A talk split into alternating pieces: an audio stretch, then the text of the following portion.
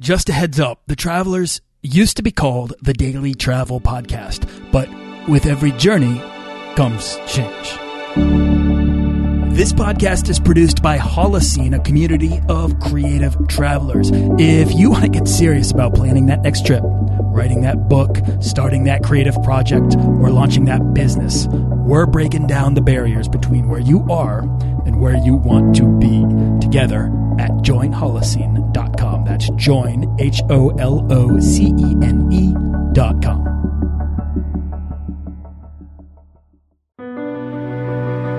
This is episode number two with Warren and Betsy Talbot. Do you want to travel further and more often to visit new places and meet new people and expand the role that travel plays in your life? I'm your guide, Nathaniel Boyle, an explorer that wants to help you get out, see the world, and find meaningful, life changing experiences. Everyone wants to be adventurous and have great stories, to do the stuff of legend. This is the Daily Travel Podcast. If you're tired of staying in hotels and you haven't heard of today's resource of the day, then it's going to be a big one for you. It's called Airbnb.com. It's basically an alternative to traditional accommodation. They connect you with, you know, homeowners who have posted their homes, apartments, lofts, boats, castles, you know, you name it. And you can stay there for a nightly fee plus a cleaning fee. And I highly recommend checking it out as an alternative way to experience wherever it is you're going. And all of the resources mentioned on this show can be found at dailytravelpodcast.com slash resources. I curate them from personal experience and the recommendations of all my guests who are amazing world travelers and industry experts. So whatever it is you need help with, there's a good chance there's something there that's got you covered. Okay. I am completely elated to introduce today's guests. After 20 years of the status quo, they've become successful full time travelers committed to living their dream and inspired to help others hit the road.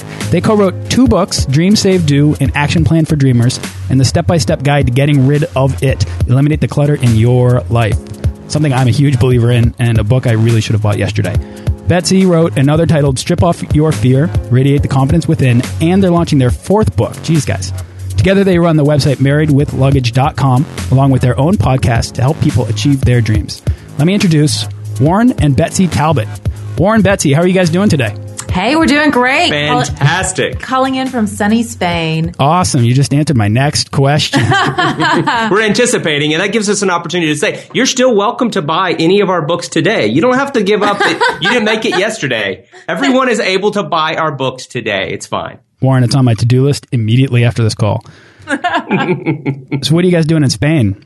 We are currently house sitting in Spain. Um, we uh, came here for the month of December. And yeah, and we've been we actually started writing a book, um, and because every time we start writing, we want to be stationary for a little bit. So we're going to spend a month here, and that allows us to get the momentum going on the book, the words, the thoughts, and kind of the direction for what we want to create. So when we're not writing, we're picking olives and drinking wine. It's a tough life. Oh God, guys, I feel for you. uh, okay, I've given a general overview of you know who you are and what you guys do, but I want you to tell us about yourself uh, and how you got started traveling.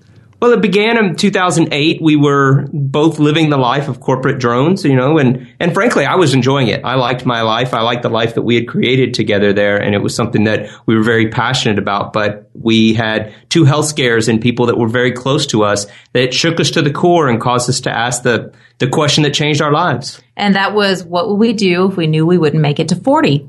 And at the time we were 37, so it was a pretty timely question.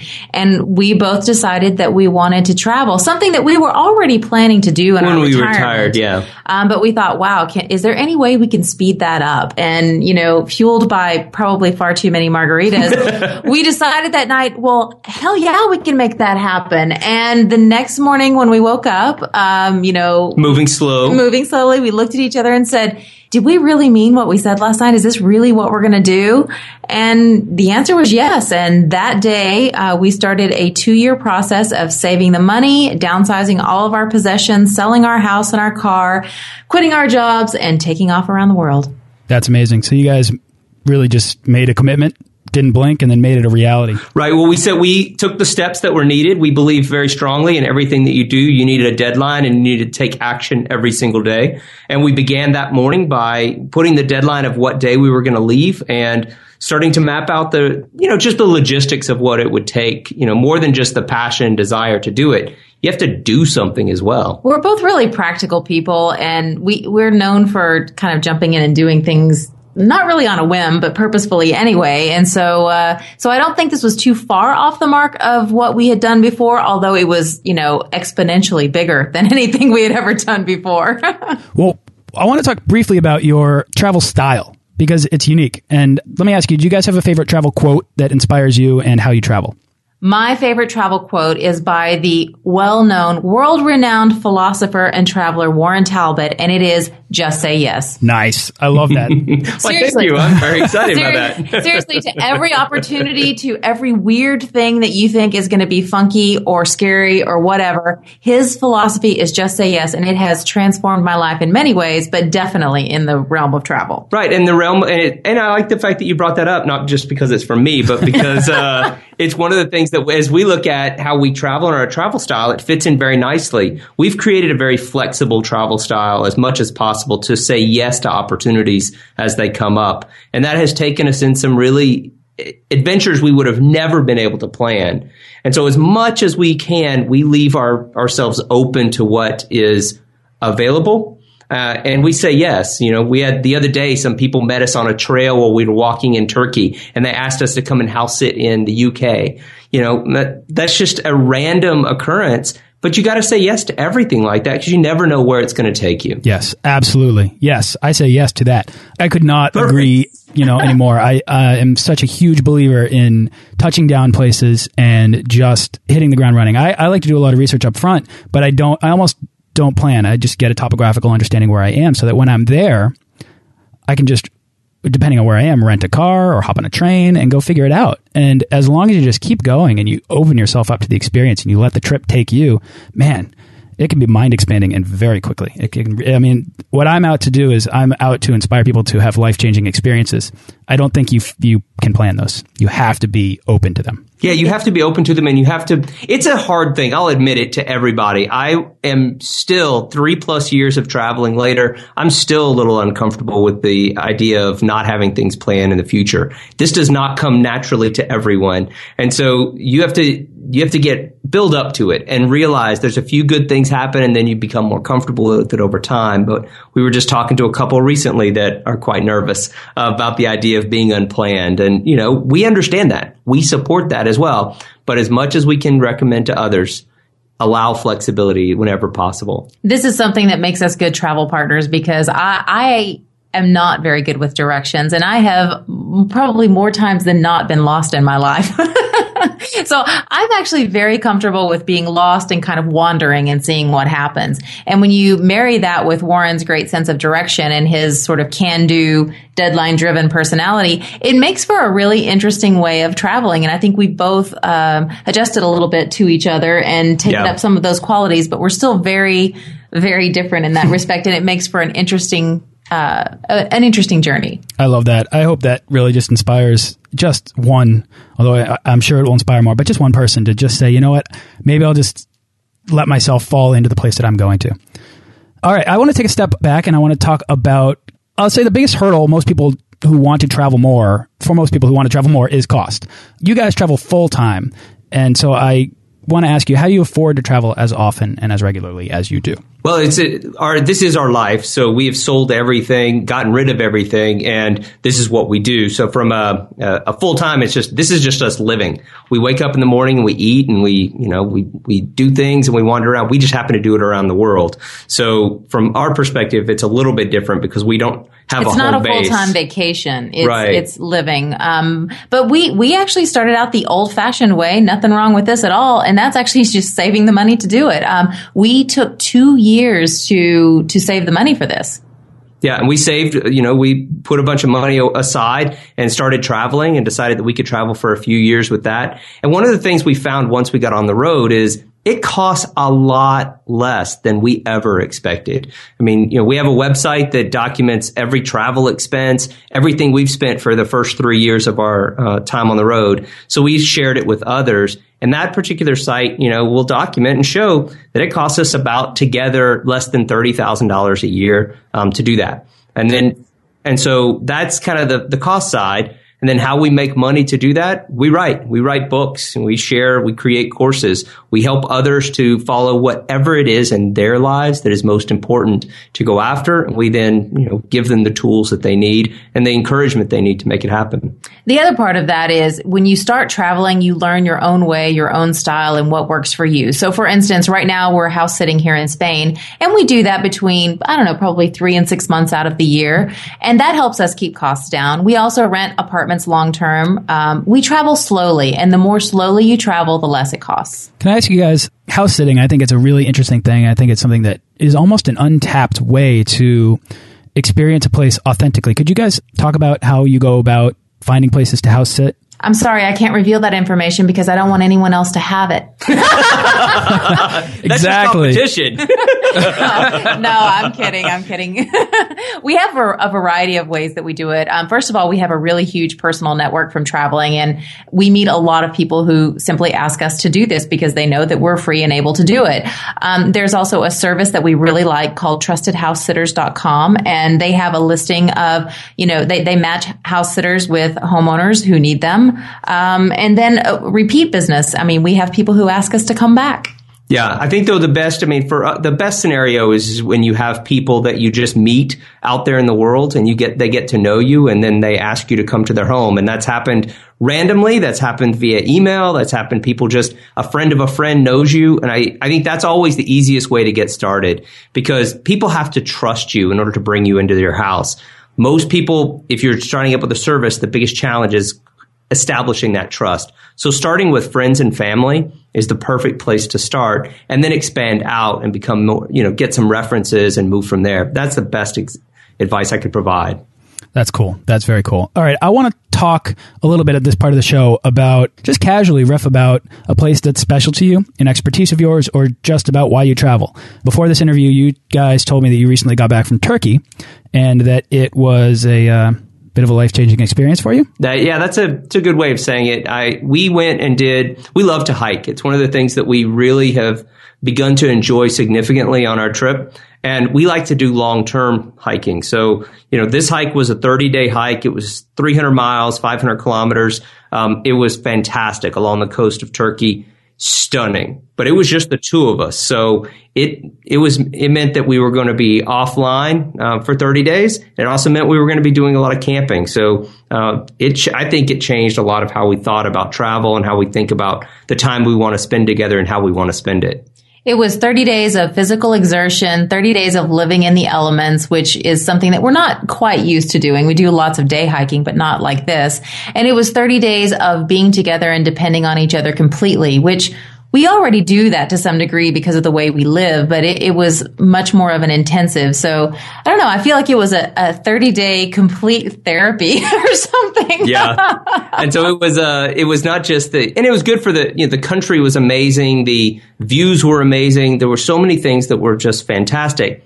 But if we were to look back on what it meant to us, it was more about reconnecting with each other and, and getting away from all the distractions that exist in all of our lives. When you travel, that, you know, the distractions don't change. You know, you still have, we're still connected to the internet. We still have people that ping us and ask us questions via email. We have our families that, that want to talk to us. All of our lives still exist. They just happen to be, we've moved them on the road. And I think that for us, getting out into nature and stepping away from it all and just being the two of us, two of us out in the middle of nowhere. There'd be days we wouldn't see another soul. That was important for us. And I think it helped us connect more with why we travel, why we love each other. It was also a chance to talk about the book, the next book project that we're working on. And that was really important um, to be able to think about that, especially when the book is about being together 24 7. So it's the, the irony is not lost on us. You know, you made a really good point there too, that I think a lot of people they think about the way that we live as, as this big escape that we are have run off and we're you know we've abandoned all responsibility and we live this life of a 24/7 vacation. But but the truth of the matter is if you have problems at home they're going to follow you when you travel. If you have self-esteem issues if you have relationship issues if you have financial issues all of those things don't magically change just because you went to a new country. Yeah. Yeah the so, relationship issues are probably going to get worse as you travel. So it's important to realize that travel is not a cure for things. You know, travel is is a way to learn and grow, but it still requires a lot of work and effort on your part. So let's take a step back and zoom in on Turkey and let's do Turkey Talbot style, okay? so what's the best way to see the country?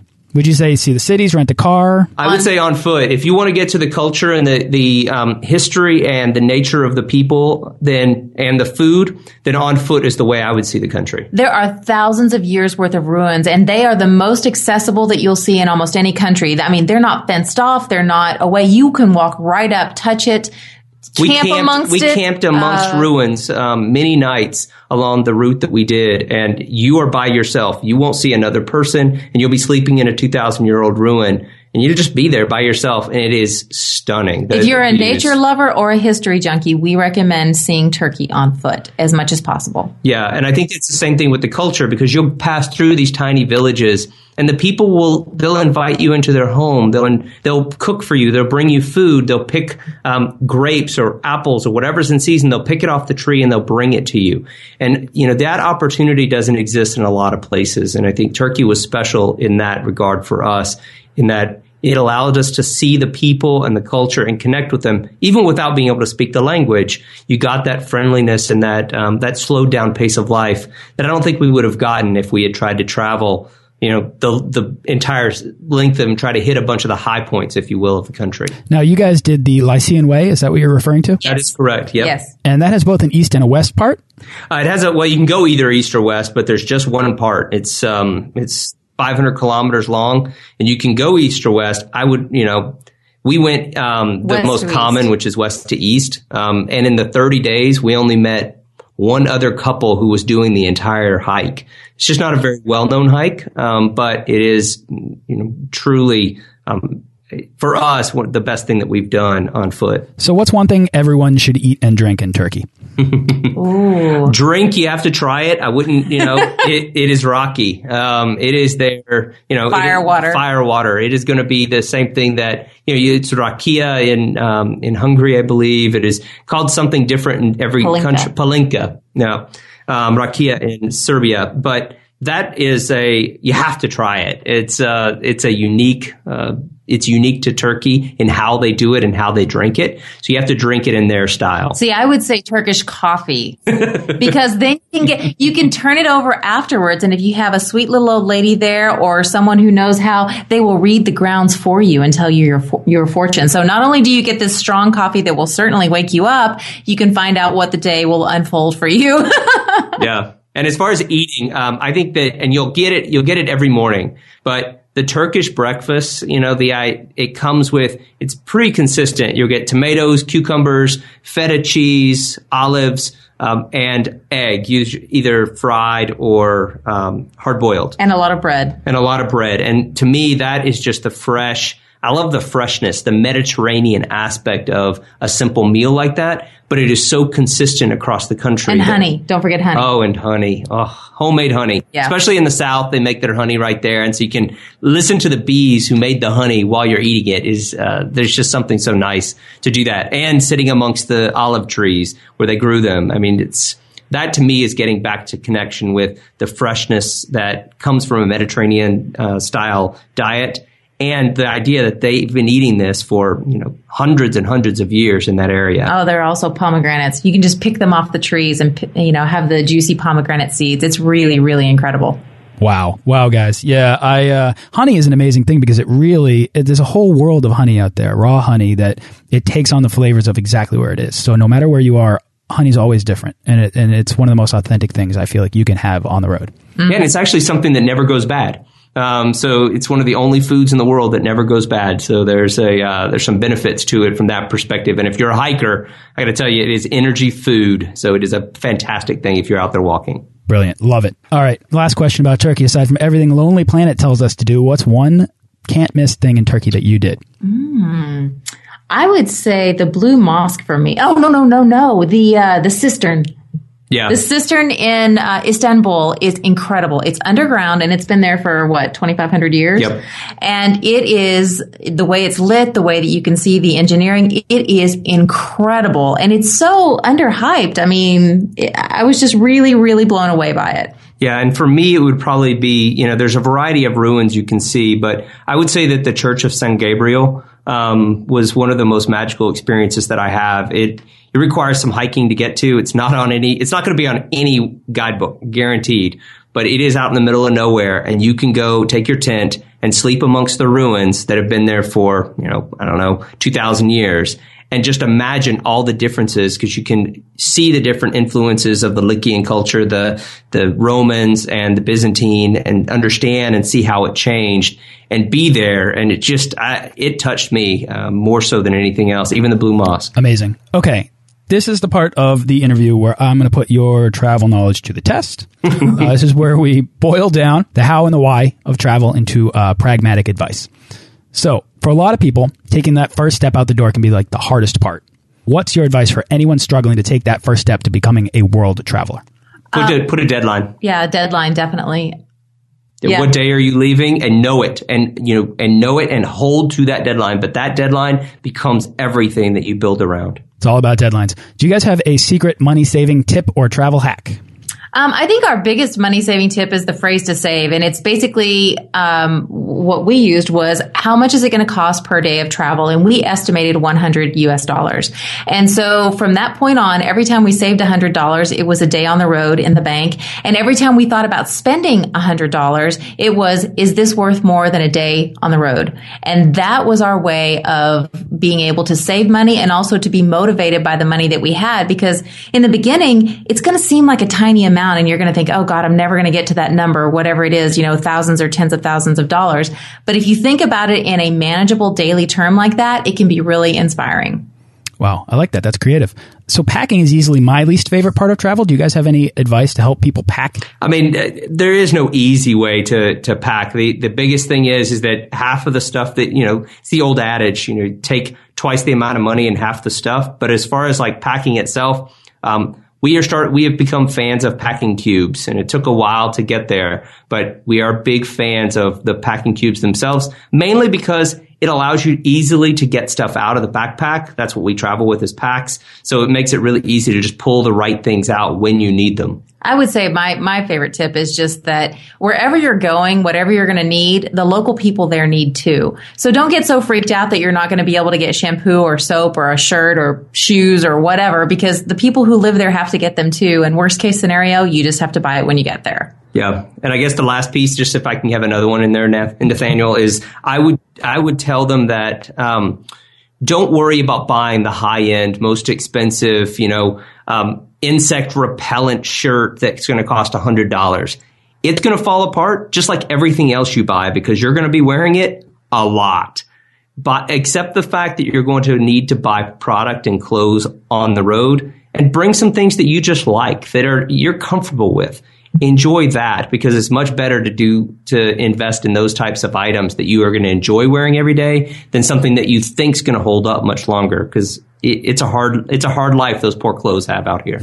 Do you have a favorite internet travel tool or resource? Probably for us would be something like Trail Wallet as far as the um, ability to, that's what we use for tracking expenses. It's a product that um, was put out by um, two other travelers, uh, Simon and Erin, who run Never Ending Voyage, and they created this product with their experience in mind to allow you to track expenses. It's, I, I love it. I love Google Drive because everything just goes in there. I don't have to worry about, um, you know, losing my data because I did get my backpack stolen earlier this year on a train uh, in Budapest, and you know they took my my um, laptop. but thankfully, all of my data was on Google Drive, and uh, so I didn't have to worry too much except about replacing the laptop, which was painful.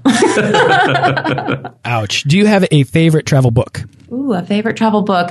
Um, I actually don't read uh, a lot of specific travel guides, but in terms of my latest favorite book um, that is somewhat about travel is Wild by Cheryl Strayed, and it's because it shows the the internal journey just as much as the external journey. Um, it's about a woman who hiked the Pacific Crest Trail, and uh, I, I really like stories like that that show a little bit more than the I went here, I went there, you can get a good deal here. It's much more of you know this is what happens when you open yourself up to seeing the world. Yeah, and I'd be remiss if I didn't bring up our, you know, the book, um, our own book, Dream Save Do. It, it's the tools and the step by step plan that we used in order to get out here on the road, and that's what we wrote it for: is to help other people um, who have a dream to travel to get here, to get out in the world, you know. And so when you do, you know, after you've bought the book, come out, I'll buy you coffee in return. You know, I always forget to do that. And it's so funny because, you know, you have this knowledge in your head and you just keep forgetting that not everybody has that knowledge. That was a good, you're a better business person than me for sure. That's right. Get that book. and if you haven't already, you can get this book or any book mentioned on this show for free from audible.com by going over to freetravelbook.com. So check that out. All right. Do you guys have a favorite piece of travel gear that you take everywhere you go? Um, we picked it up um, last year, I think, and it is our for me. It's our Big Agnes um, Fly Creek UL3 tent, and it is the thing that we slept in a, a lot since we've been uh, doing all the hiking. And I am I, I got to be honest, I have a little fetish for that uh, tent. I'm a huge fan. My favorite thing is my backpack that I got just a few months ago. Um, for the first three years of our trip, I had the same backpack and I thought it was fine. It did the job. I didn't rave about it, but I didn't hate it. It wasn't until I tried using it on a week long backpacking trip that I realized that it was really crappy. And so I got a an Osprey backpack that's made for women, and I can't off the top of me think of the actual name of it, but it's a, it's Osprey and it's red, which I love, and it is a fabulous backpack, not only for trips, but also for just, you know, everyday travel. So I really, really love this backpack. Guys, that's great. Thank you so much. Is there anything else you'd like to share before we wrap up? Whatever your dream may be, when you want to go out there and travel, what you'll start reading is that, you know, people will give advice on the types of travel, the types of uh, speed you should go. Do what makes you happy. There is no wrong answer. You know, if that is your dream, go make it happen. And if your dream is to do that by, by boat, by train, by plane, just do it. There is no wrong way to do that. And if someone tells you there there is, you know, there is, ignore that advice because the most important thing is that you go out there and you make yourself happy. You can't mess up, so just get out there and do it. Love it. You guys are a complete inspiration to me. I love what you're up to. I think you also have made just a brilliant move by choosing to travel now. And whether that's in your 40s, in your 30s, in your 20s, in your teens, waiting until you're retired. I mean, I've, I've traveled with retirees before, and I remember going to uh, where was I? Cape of Good Hope. We got there, and it, it was like the second we got there, it was time to go. And I was like, well, wait a minute. There's like miles and miles of hiking to do.